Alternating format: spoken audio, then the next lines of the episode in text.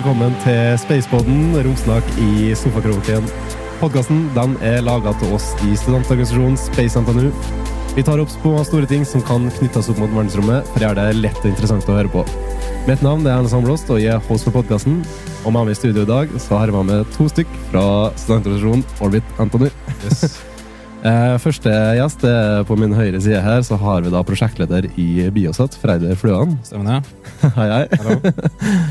Og så rett attmed det så har vi da Chief System Engineer, Jale Steinberg. Ja, det er meg.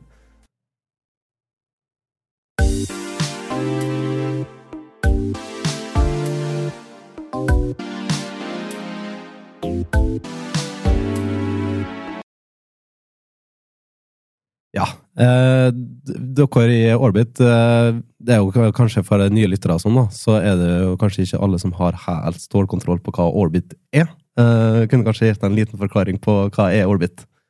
Orbit har blitt en av tre i Norge som aktivt drifter og opererer satellitter. Det er ikke et stort space-miljø i Norge, så nå har vi blitt en av de tre som har fått det til, ved at vi i sommer skjøt opp vår egen satellitt, kalt Selfiesat som var vårt første forskningsprosjekt hvor vi utviklet og fant ut hvordan man egentlig bygger en satellitt, og lagde en plattform som vi nå har begynt å bygge videre på, og ser ut til å fortsette å skyte opp én ny satellitt i året, over i hvert fall de neste fem årene og utover. Mm. Og det her får dere betalt sinnssykt mye for det her. På sikt, ja. ja. Uh, ja. arbeidslivet. Nei, jeg vil bare poengtert liksom at ja, dere er jo eh, studenter uh, som gjør det her på frivillig basis utenom studier. Ja. Eh, og det er jo sånn som både Propulse og Ascenda. Mm, det er rimelig dårlig timeslønn. Mm. Samme som oss i Space Center nå. Men det er veldig, jeg vil anbefale absolutt alle å delta i verv uansett. Det er kjempekjekt. Man får vanvittig mye igjen for det. ass. Mm. Men eh, vi kan jo bli eh, litt eh, bedre kjent utenom når dere bygger satellitter. da. Og så kan du ta litt sånn navn og alder og veien til Orbit. da. Kan du starte med det, Freider? Hva... Det kan jeg absolutt. Ja, jeg heter Freider. Eh, og jeg er prosjektleder for Biosat, da, som er vårt nye satellittprosjekt. Som vi skal snakke litt mer om senere. Mm. Så jeg er 22 år. og Jeg går Elsys, andre klasse. Så jeg starta i Orbit for ett år siden nå. Jeg ble med i noe vi kaller Suborbital, som er vårt opplæringsprogram. da. Som egentlig er veldig stilig. Der vi tar opp eh, ni førsteklassinger, og så får de mentoring av alle de litt mer erfarne medlemmene. Og så ble jeg også med i litt andre tekniske team mot slutten her, og så søkte jeg til slutt på prosjektleder. Så jeg ble vel prosjektleder i slutten av vårsemesteret. Ja, ok. Mm.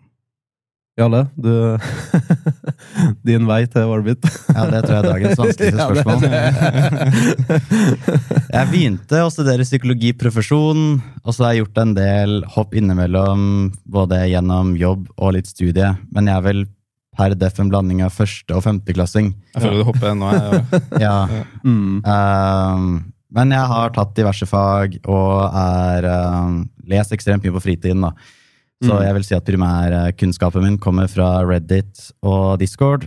Mm. Og så har jeg tatt en masterfag som har legitimert det, og da syns folk at det er greit at jeg tar og setter satellitter på agendaen. Ja. Og det er vel litt, det, Kanskje noen kjenner igjen eh, stemmen din. Du har jo vært tidligere Space News-medlem dem, og vært den som har, sitter på kunnskapen. da. For du, du er jo veldig interessert i verdensrommet, kan du si. Ja, det går jo med en 16-17-18 timer hver dag på space. Ja. altså det, det er over gjennomsnittlig interessert, da, kan du si. ja, jeg tror det er vanskelig, og de som eventuelt er mer interesserte, det er de som da trenger å sove fire-fem timer istedenfor mine seks. Ja. ja, men det, det, er jo bra at du da finner et miljø som du virkelig passer inn i. Da eh, så, men da, da, kan vi gå litt i Det er jo eh, tre satellitter dere har nå. Eh, og du nevnte at eh, Selfiesat den er nå i bane. Fortell litt mer om den. Den er i bane. Vi ble skutt opp på den 25. mai. Ish. Og ish. Ja. 24.-25. Ja, noe sånt.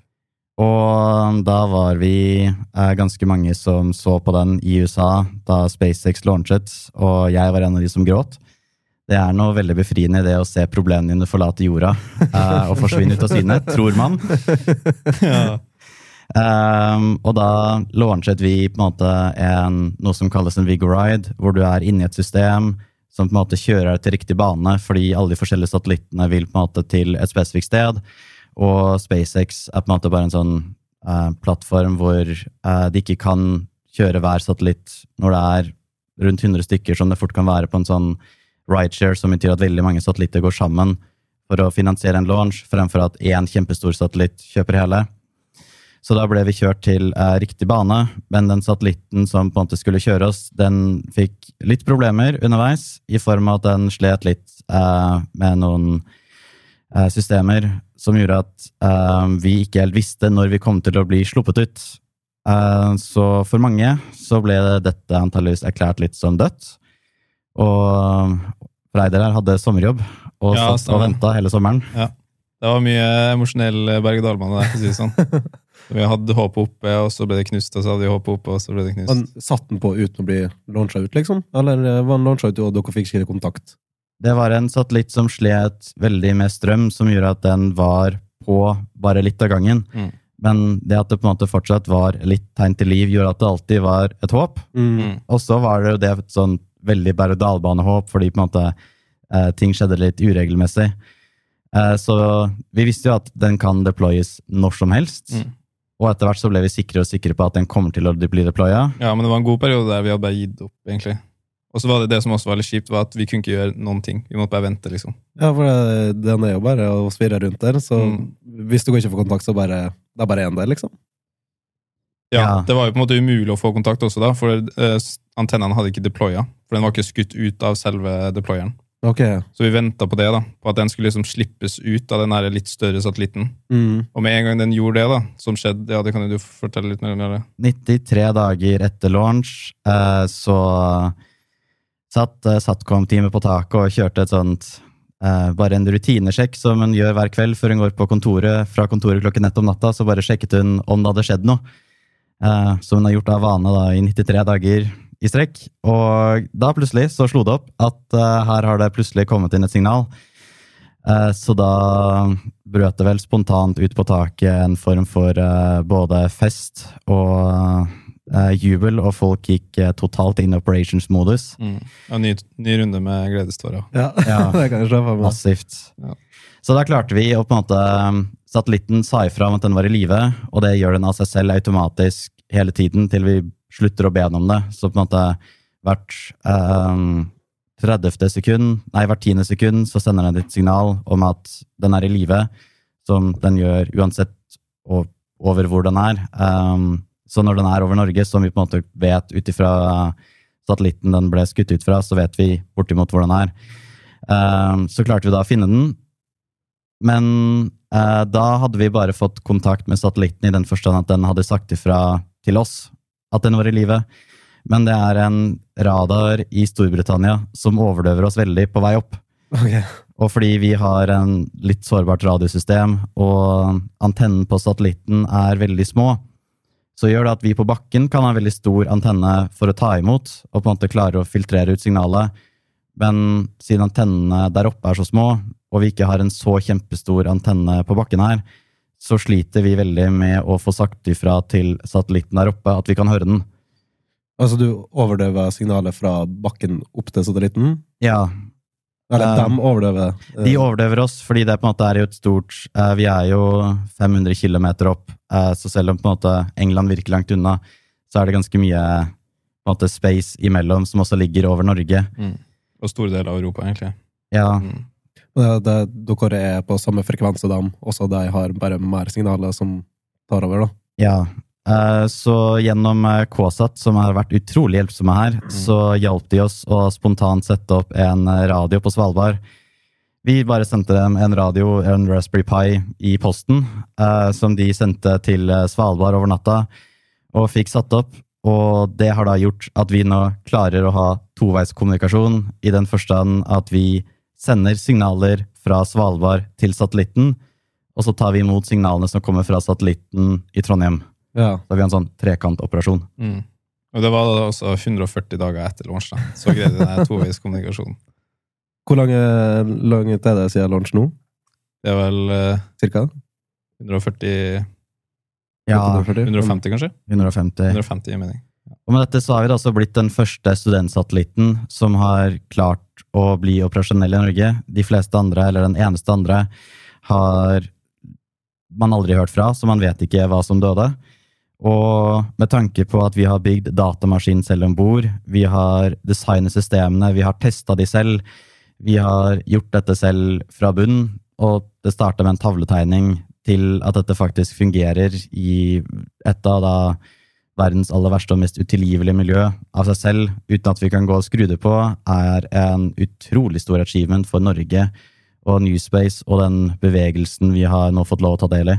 Altså, jeg synes det skulle gjerne hatt et rom fylt med tusen folk som har geniert applaus, for det, det, er så sjukt imponerende, bare den setninga der. Første norske operasjonelle studentsatellitt. Ja. ja det er fellessetninga. Og hvert ord der har veldig stor betydning, bare sånn det er sagt. Det høres ut som en innspissa kategori, som for så vidt er, men det er liksom ja, Jeg får ikke sagt ord på hvor imponert jeg er, da. og det er vel sikkert dere òg. Ja, vi er veldig stolte av hverandre. Det er utrolig mange timer som har blitt putta inn i prosjektet her. Mm. Og de eneste andre som i praksis opererer satellitter i Norge, er Space Norway på vegne av staten. Mm. Og de sitter jo da Det de skal skyte opp nå i februar, er to satellitter til 400 milliarder. Mm. Uh, så det at vi har gjort dette trolig billig som i rent Man tror at space er veldig vanskelig, men vi har i Altså, uten å underdrive eller overdrive, det er nøyaktig det vi har gjort. Vi har gått ned på OV, kjøpt en Raspberry Pi Uh, lagt noen komponenter i loddovnen på OV her på NTNU. Hva legger OV? Hva? Uh, Omega verksted. Det er ja, sånt ja. hacka, hackeverksted, basically. Ja. Så vi har bare gått dit, lodda komponentene våre, sittet oppe på vårt bitte lille kontor, programmert de på kvelder og fritid over en relativt lang periode, men med ikke noe mer kompetanse enn det en vanlig første, andre, tredjeklassing har. Og det enorme her er jo hele den koordineringen og det at vi gjør dette sammen, fordi det er så Kompleksiteten av det er alt det som må skje samtidig, og riktig rekkefølge, og bestilles, koordineres, testes. Ja, for det er bare det generelt, det å være i verv. For det kan mange som hører på, skjønne det, men det er ikke alle som vet det. Liksom, det, I verv så byttes folk ut kanskje hvert halvår, eh, mm. hvert år. Du har førsteklassinger, du har femteklassinger, du har folk som har vært med i årvis, noen som har vært med i et par måneder. Eh, og du har Hvor mange er dere nå? Sånn 80, kanskje? 90, 90, ja. 91. 90. Det er ganske mange personer å koordinere, og ja. alle disse personene her har studier som eh, de hjelper meg. Mm. Altså, dette her er sånn sideprosjekt for alle, men det blir jo litt sånn. Du ja. bruker veldig mye tid. liksom Vi alle som bruker 16 timer dagen ja. eh, på Space, så er det Folk blir veldig engasjert, og det er samme med meg i forhold til Space eh, NTNU. da, Så er jo mm. dere det samme for Orbit. at det, eh, Du bruker veldig mye tid, og det er veldig sånn eh, brukt så mye tid av fritida si, så mange personer involverte. Altså nå sitter han der fungerende oppe mm. i verdensrommet. Det er spinnvilt. Ja, det er utrolig kult. Og man skal jo, eh, i hvert fall tenker jeg at man skal jo prøve å finne en jobb man kunne tenke seg å gjøre gratis. Og det er akkurat det vi gjør. Vi har funnet en jobb som vi har utrolig lyst til å bare gjøre gratis. Mm. Så nå så gjør vi det bare av rent engasjement, fordi det gir oss så mye. Det å kunne launche med SpaceX og comply med alle SpaceX stiller jo veldig veldig sterke krav mm. til satellitten, som har på en måte lagt premissene for testing og vår forståelse av hva vi faktisk må gjøre for å jobbe i industrien. Mm. Og det at vi nå vet at dette kan vi, og dette får vi til, og vi har så utrolig stor glede av det, gjør at jeg, og jeg vil si hele Orbit, eh, vet hvilken karriere, hvilke muligheter og hvilken glede de kan få og vil få i å jobbe i denne industrien. Mm. Så er det sånn industrier som, eller for eksempel KSAT, da, som kan betale oss sivilingeniørlønn for å gjøre akkurat det vi gjør på fritida ellers. Mm. Det jo, ja, det er jo nydelig, og da ja. slapp du å sette hjelm i studiet på etterpå. Ja, det det. etterpå. Men ja, det, det, er jo helt fantastisk. Det var veldig bra det at vi er så såpass tett kontakt med industrien nå. Mm. Og det at jeg har satt pris på at uh, her er det Det er ikke bare at det er et artig hobbyprosjekt, men det er liksom en reell verdi i industrien med det dere holder på med. Ja, ikke sant. Og um, målet til Orbit og på en måte vårt mandat er å utdanne Europas beste romingeniører. Og måten vi gjør det på, er jo også med også veldig samfunnsengasjerende mission, sånn som Selfiestat, som skal ta selfier i verdensrommet, mm. med et kamera og et skjermsystem som gjør at du laster opp bilder av deg selv og får det ned. Og bare det missionet i seg selv, og det at vi ikke tar betalt for det, men gjør dette helt gratis bare fordi vi syns det er gøy, har skapt så utrolig mye glede i industrien at overalt, når vi er på konferanse som vi var nå i september i Paris, mm. og møter toppindustrien som Ariane Space og NASA, så er en overraskende stor andel av de kjent med vårt mission. Fordi vi skiller oss så utrolig mye ut. fordi det er ingen andre som tenker at vi skal bygge en satellitt for moro skyld som eh, man bare skal betale for ved hjelp av selskaper som vil funde utvikling og kompetanse. Mm. Men eh, nå er det jo eh, Selfiesett skal jo ta selfies i verdensrommet. Dere har fått kontakt, men hvilken form av kontakt? Er det bare sånn hei, i, er i live? Eller er det sånn eh, så, Hvor langt er vi unna å ta en selfie, på en måte? Det er eh, samme kommando som når du går på PC-en hvis man er nerd så, og vil sjekke internettkonnektiviteten, så går man ofte inn i terminalen og skriver ping. Ja. vg.no, for eksempel. Og da får du en pong i retur. Og det er akkurat samme kommando vi har implementert på Selfiesat. Ok, Så på en måte, i det automatiske signalet fra Selfiesat så kommer det inn eh, telemetri, som er et veldig fancy ord for kjedelig data. Som betyr eh, hvor ofte den har skrudd seg på og av, eh, hvor mye strøm som er på batteriene. på en måte litt mm, Kjedelig er relativt i den konteksten her, da. Eh, men eller på en måte nøkkeldata, mens i på en måte den toveiskommunikasjonen så er det bare det at vi skriver ping i terminalen, og så får vi en pong tilbake hvis den har hørt oss. Mm. Så han sa bare 'jeg har hørt det, du har hørt med. Mens sa ikke noe om posisjon eller uh, andre type data. Nei, det er litt morsomt med Selfiesat at vi aner ikke i utgangspunktet hvor Selfiesat er. Vi har ikke noe systemer om bord som er i stand til å gjenkjenne sin egen posisjon. Okay. Så vi er totalt avhengig av amerikanske sine forsvarsradarer til Space Force i USA, som på en måte peker sine veldig store radioradarer opp mot space, og eh, klarer på en måte å se alle satellittene og the breeze, um, og gir dem på en måte en unik ID, og der har vi fått en egen, Mm. som gjør at vi kan bruke dem til å bortimot estimere posisjonen vår. Mm. Okay. Men uh, i forhold til det med Har dere et estimat på når, når den er operasjonell? Altså når, eller når er det, det dere kan begynne å sende selfies på en måte til den satellitten? Sånn cirka? Eller er det fortsatt veldig uvisst? Ja, det er jo litt skummelt å si, da. Hvis Ja. du hadde spurt oss for 150 dager siden, så hadde vi ikke sagt uh, Men uh, jeg vil jo tro det er jo litt byråkrati vi venter på med Svalbard òg, da. Mm. Uh, Fordi de hjelper oss jo helt gratis. Så det at de trenger litt ekstra tid på å fikse ting, det er jo helt greit for oss. Vi skal være tålmodige. Og det har vi blitt gode på i den perioden her også, da. Mm. Men jeg Altså- vil jo tro at det ikke er så veldig langt unna.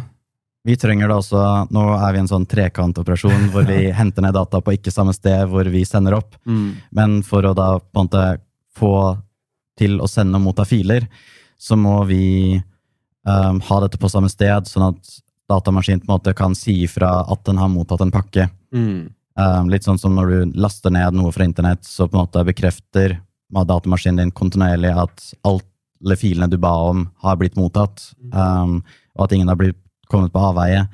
Så vi jobber nå å implementere det, og det kan ta alt fra et par dager til uker, i verste fall måneder.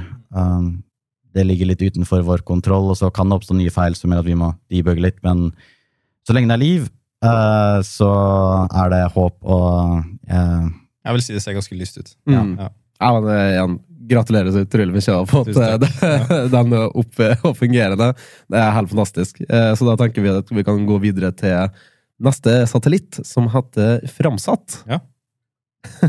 Framsatt um, startet vi i rundt 2021, som ble startet i det det egentlig ble klart at her er det muligheter for Norge å bygge da det som har blitt Spaceport på Andøya. Da Norge fikk um, på en måte insentiv og klarsignal om å bruke en øy veldig langt nord, som ikke har noen andre øyer foran seg, som uh, gjør at du kan sende opp raketter og sette de på en veldig praktisk kurs i en form for polarbane, som man kan skyte fra f.eks. SpaceX og USA, men der er det såpass mye øyer, eh, f.eks. Cuba, som gjør at rakettene har i utgangspunktet ikke lov til å fly over øyene i tilfelle de plutselig går i stykker i løpet av oppskytingen, så er det et krav om at det skal være åpent hav, som kan reguleres, og at du kan fjerne alle folk og båter eh, osv. Så, videre. så å ha på en måte direkte frisikt uten eh, øyer før du kommer til Grønland, og der er raketten såpass høyt oppe at den utgjør ikke noen reell fare for noen, det har en veldig unik nøkkelverdi som i utgangspunktet bare Norge og Skottland til en viss grad har. Så da det ble klart at her er det muligheter, her har Norge en mulighet for å bygge noe, så begynte vi å designe en satellitt som er tilrettelagt og tiltenkt å bli Norges første satellitt fra norsk jord. Det skal ikke være komplisert, den skal ikke ta mye tid, men den skal være først, fordi vi ser på oss som en såpass viktig industribrikke og uh, insentiv for å være med og bygge da, dette nye Rom-Norge som vi holder på å etablere lokalt i Norge, basert på norske premisser. Mm. Så hovedoppgaven der er mer å være den frontfiguren i norsk romindustri, kontra sjølve oppgaven, på en måte? Ja, mm. og det likte Norsk Romsenter såpass godt at vi fikk innvilget det som nå heter følgemidler, som er industrimidler fra um, regjeringen, som er tiltenkt å på en måte stimulere økonomi og bygge ny teknologi som har litt utfordringer med å på en måte funde seg selv, men som har stor nytteverdi på sikt. Mm. Så da gikk vi inn i et partnerskap med Eidel Space Electronics um, på Eidsvoll, som har bygget en solsensor, som på en måte er en sensor for å vite hvor sola er. Uh, for det vet ikke en satellitt nødvendigvis av seg selv. Mm. Og da har vi på en måte gjort et mission som bruker de samme komponentene som på Selfiesat, og på en måte ble såpass enkelt og rutinert at vi klarte å da få denne med på første oppskytingen på såpass kort tid. Uh, og får nå på en måte lov til å bli med som en del av et nye romeventyret Norge har vært med å starte. Når den skal sendes eh, opp? Den skal sendes opp i løpet av neste år. Og det som også er utrolig gøy, er at vi nå har fått avklart at ESA jeg likte dette såpass godt, at de innvilget en søknad hos oss på at vi kan teste satellitten vår hos dem. Eh, så når da har til og med ESA levert en tjeneste på dette prosjektet, hvor de eh, betaler for at vi kan sende våre testingeniører bort til ESA, og sammen med dem lære hvordan testing fungerer, hvordan dette fungerer, hvordan vi kan stille gode krav, hva vi burde tenke på, fremfor at vi på en måte står oppe på kontoret vårt med vårt hjemmelagde vakuumkammer og klør oss litt i hodet hvordan ting egentlig funker, og hva vi egentlig prøver på, til at vi på en måte står med toppindustrien som vi har sett opp til såpass lenge, og finner ut av ting sammen med dem, og kan dra med den kompetansen tilbake til Andøya, eh, det har vært kjempegøy.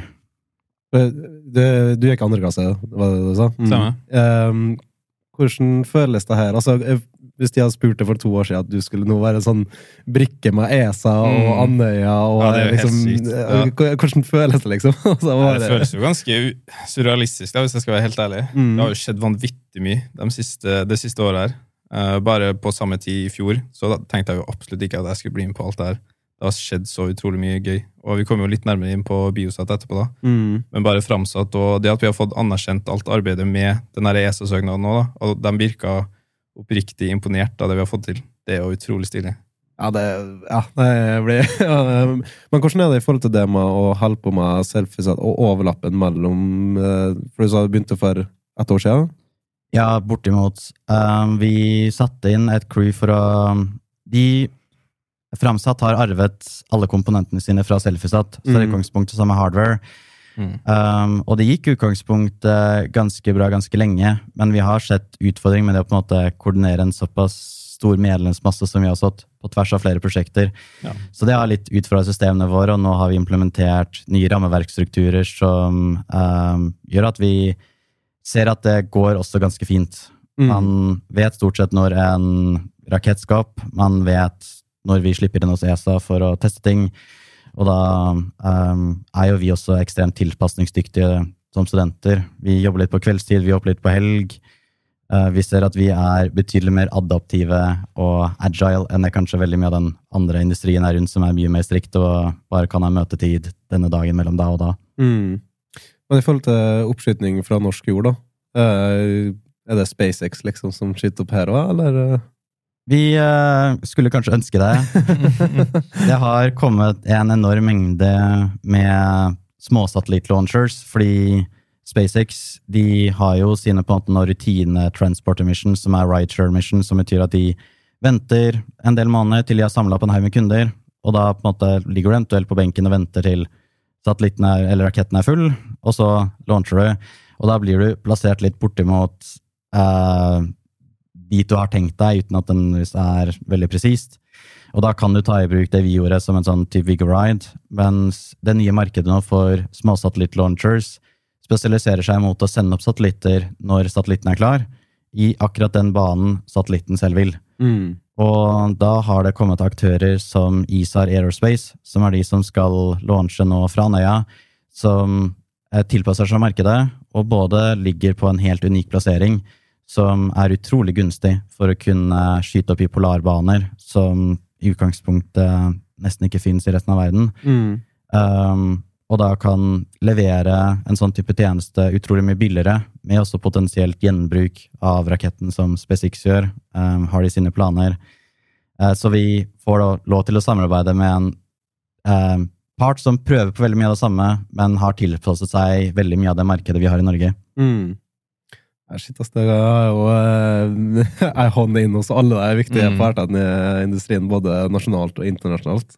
Ja. Det er veldig, veldig spennende. Også tilbake til det med at vi har tre satellitter, så er de jo i forskjellig fase. da. Så det hjelper jo litt. Selvsagt er jo i den operasjonelle fasen nå, Mm. og Framsatt er jo mot slutten, mens Biosat er liksom helt i starten. da. Mm. Så det hjelper jo litt. Da kan vi bruke litt forskjellige ressurser. Mm. Og det er vel viktig å ha en liten sånn, eh, når du er ferdig, at du har en fin overlapp til neste prosjekt, sånn at Mm. eh, folk har sine ting de må gjøre, for jeg regner med at det er litt forskjellige oppgaver i eh, Ja, det det. de forskjellige fasene. Ja, og Framsatt var jo egentlig ment som et litt mindre prosjekt. da. Du har jo visst at det er litt vanskeligere å gjennomføre i praksis, og, men det går jo veldig fint.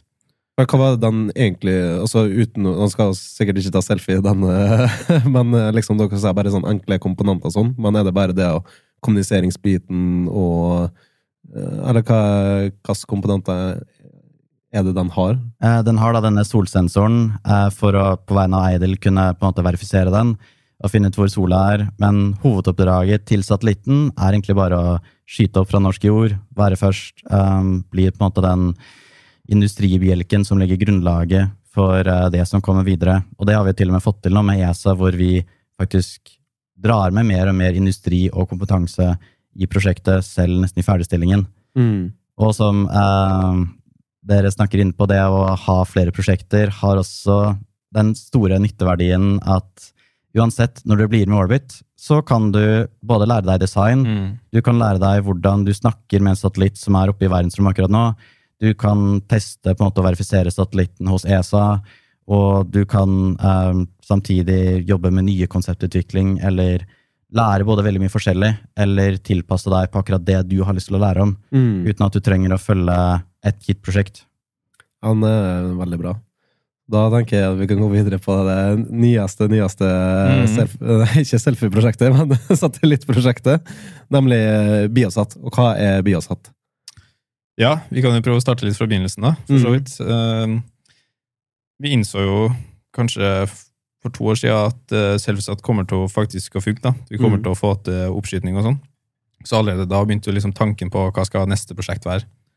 Eh, Så var det jo kanskje tidlig vår da, at systemingeniørene våre begynte å utrede eh, litt mer de forslagene.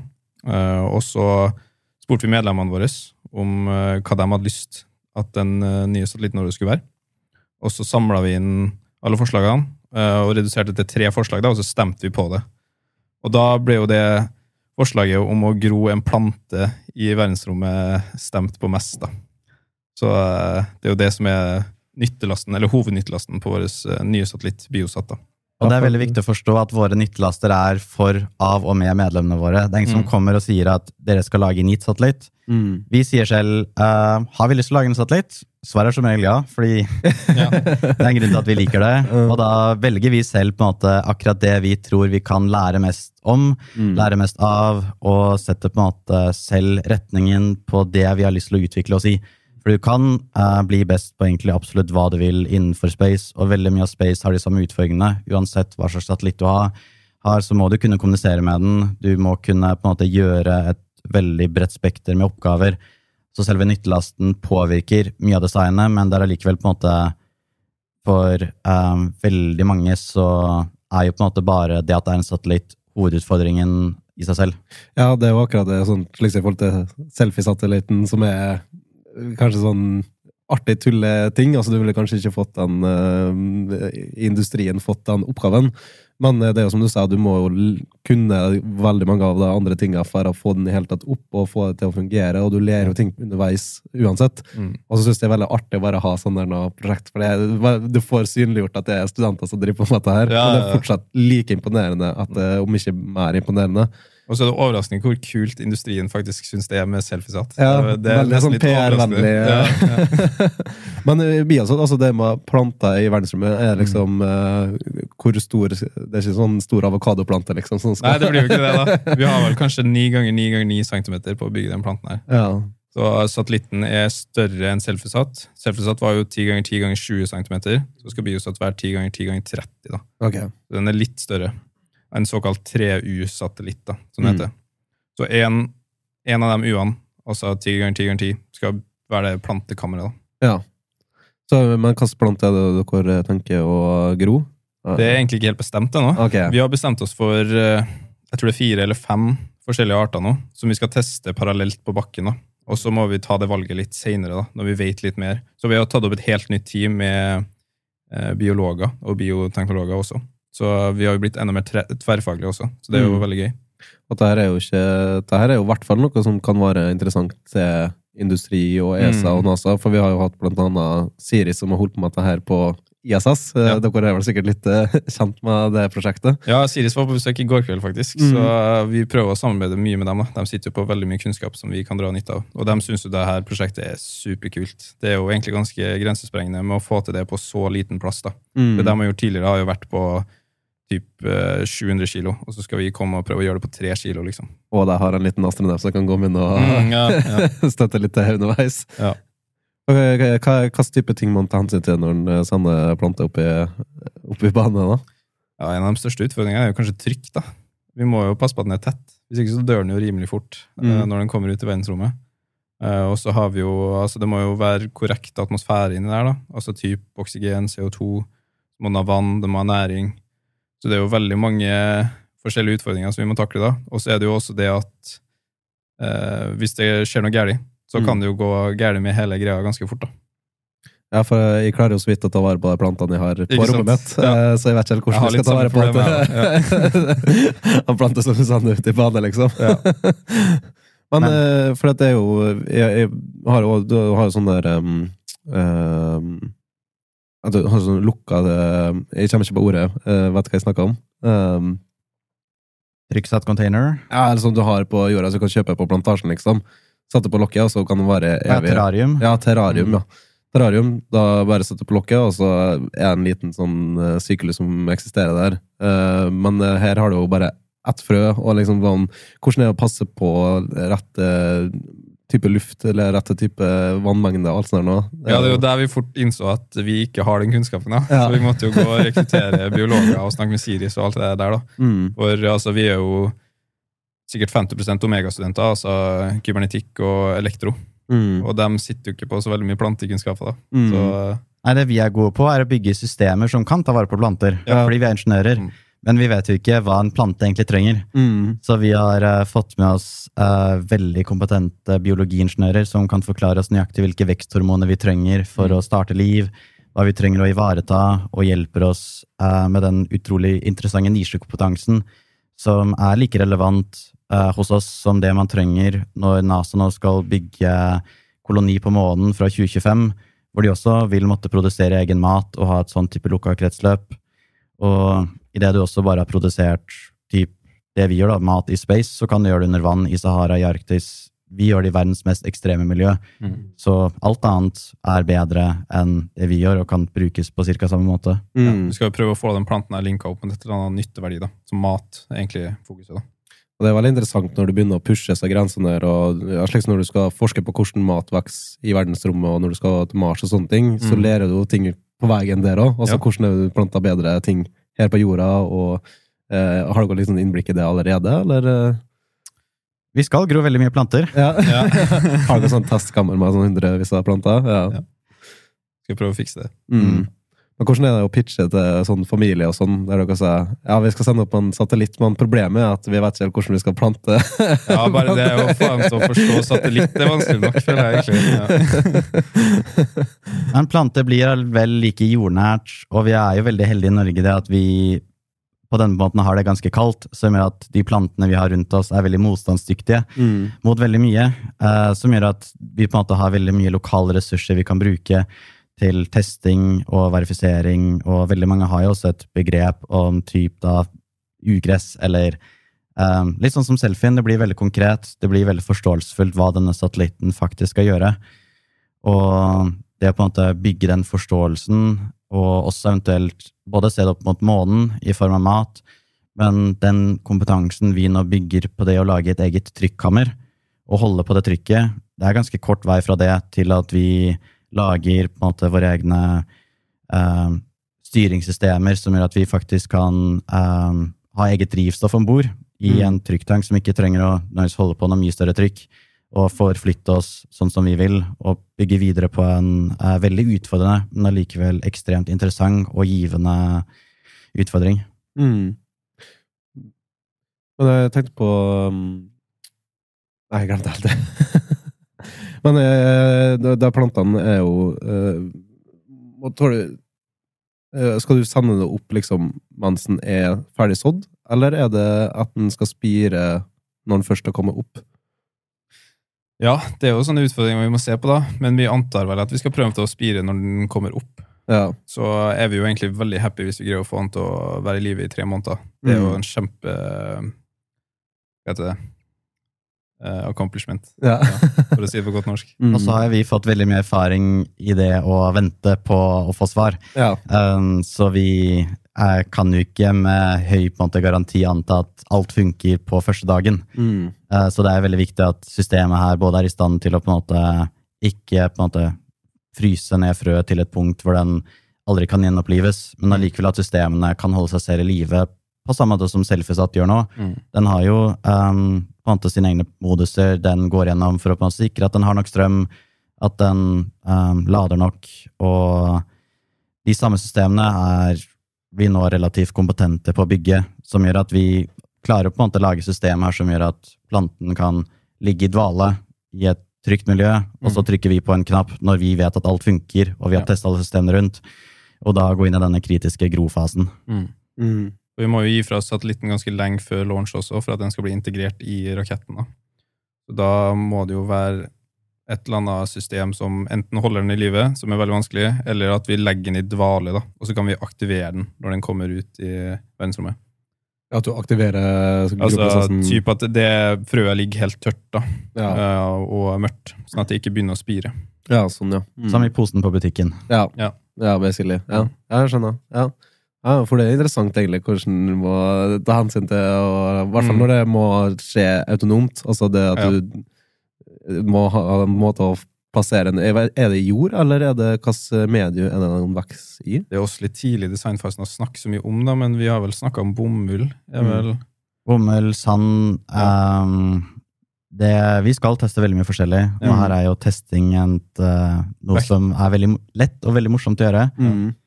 Vektløshet blir jo et problem også der med, med jord. da. Mm.